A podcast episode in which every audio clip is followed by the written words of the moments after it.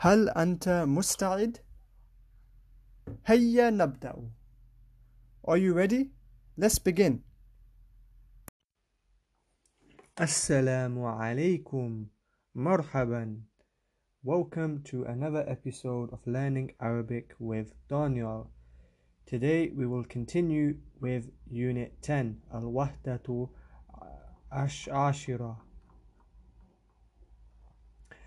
And this topic هذا موضوع عن الجو the weather الجو the atmosphere سنبدأ uh, and we will begin with dialogue 3 الحوار الثالث هيا نبدأ هذا حوار مع خالد وحازم This dialogue is with Khalid and Hazim الجو معتدل هذه الأيام. هذا فصل الربيع. الحمد لله. ذهب الصيف وذهب وذهب الحر. وذهب الشتاء وذهب البرد. أين سنقضي عطلة الأسبوع؟ نذهب إلى الشاطئ الشاطئ بعيد. نذهب إلى البر. هذه فكرة طيبة. نذهب إلى البر.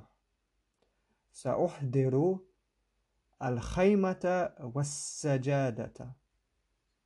سأحضر الطعام والشراب. أسرتي ستحضر معي. أسرتي ستحضر معي أيضا.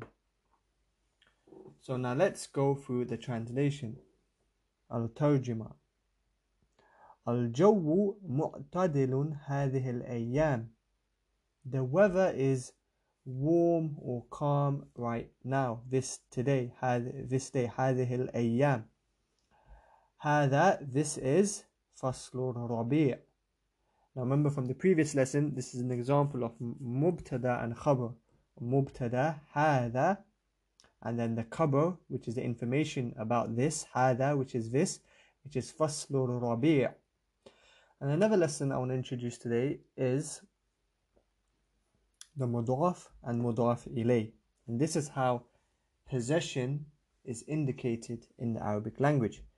So here we have faslu al-rabi' Now, we mentioned last time a noun, a ism, can be known by either a beginning of it, which is alif lam, which tells us whether this uh, ism is ma'rifa, if it has an alif lam, an al at the front, or if it uh, ends uh, in another case, or if it ends with a tanween, which means it will end with uh, a sound like un, an, or in, and this will tell us that it's indefinite, nakira in Arabic, which means we're not talking about something specific.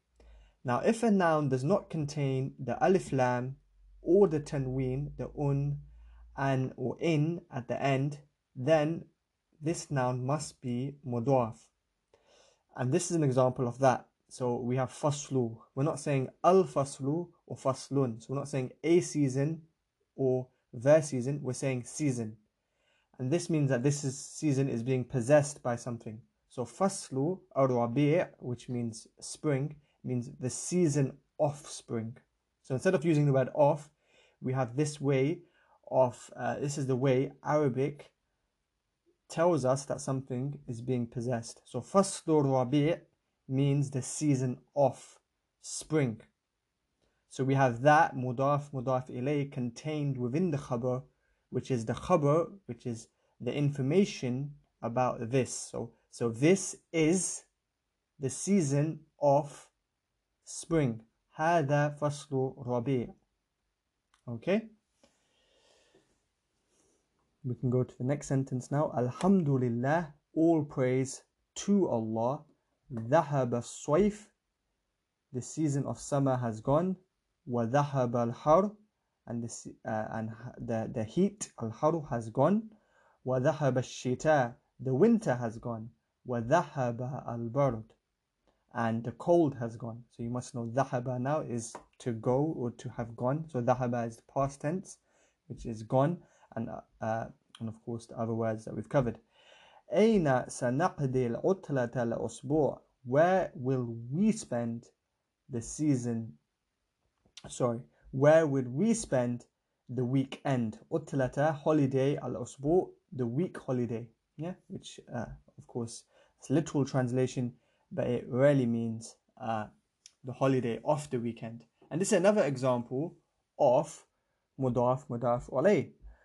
Mudaf mudaf alayh. So utlata, you notice there's no alif lam and there's no tanween, so it must be possessed. So utlata, this uh, the holiday of al usbu, and this now will be the mudaf alayh, so the possessor.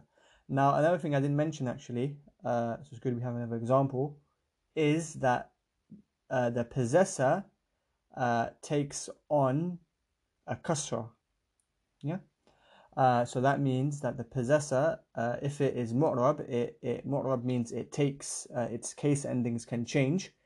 That in, in the normal case, which is most nouns, then that means that it will take a kasra at the end. So in the previous example, it was faslu rabi'i, so it has a kasra at the end, rabi'i. Uh, but of course, if you finish, then uh, it's not as uh, it's not as uh, it's not pronounced. But of course, if I were to continue, I'd have to say faslu rabi'i, the a to show that it's the possessor. So the season of the spring. And in this example, utlat al usbu'i. Yeah. But of course, if I was finishing, you wouldn't notice. It would be utlat al usbu'. But if it were to continue in the sentence, then it would have become utlat al usbu'i. So let's go to the next sentence. نذهب إلى الشاطئ. So we will go to the beach الشاطئ بعيد نذهب إلى البر The beach is far We will go to the river البر هذه فكرة طيبة This is an excellent idea نذهب إلى البر So, um, sorry, I made a mistake there. Al-Bari is uh, not uh, the river.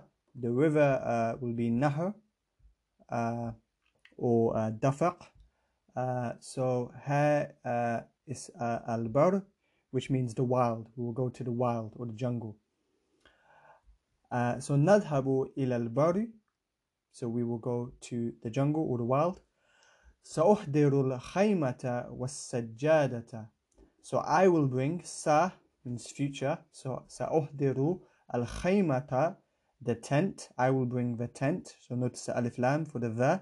والسجادة and the carpet. Yeah, so you might know a word sujud, uh, which uh, is prostration, common word uh, used. So as-sajjada links to that and is the carpet. So أحضر الطعام والشراب. So common word. سأحضر again. So uh, I will bring.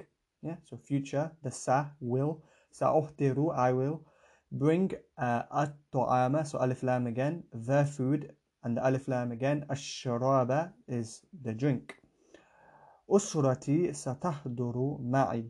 So my family, usrati, satahduru will come with me. So the sa at the front of the present tense verb makes uh, it into the future tense. So they will come ma'i with me. Usrati satahduru ma'i aidan my family will also come with me. So the also is the aidan at the end, and uh, of course the satahduru will come with me uh, and ma'i. So thank you for listening. Uh, I hope you enjoyed this week's podcast and stay tuned for more episodes and do listen over again to make sure that you learn different points mentioned and of course the new vocabulary Thank you for listening. Please like, subscribe, share this podcast wherever you're listening. Thank you.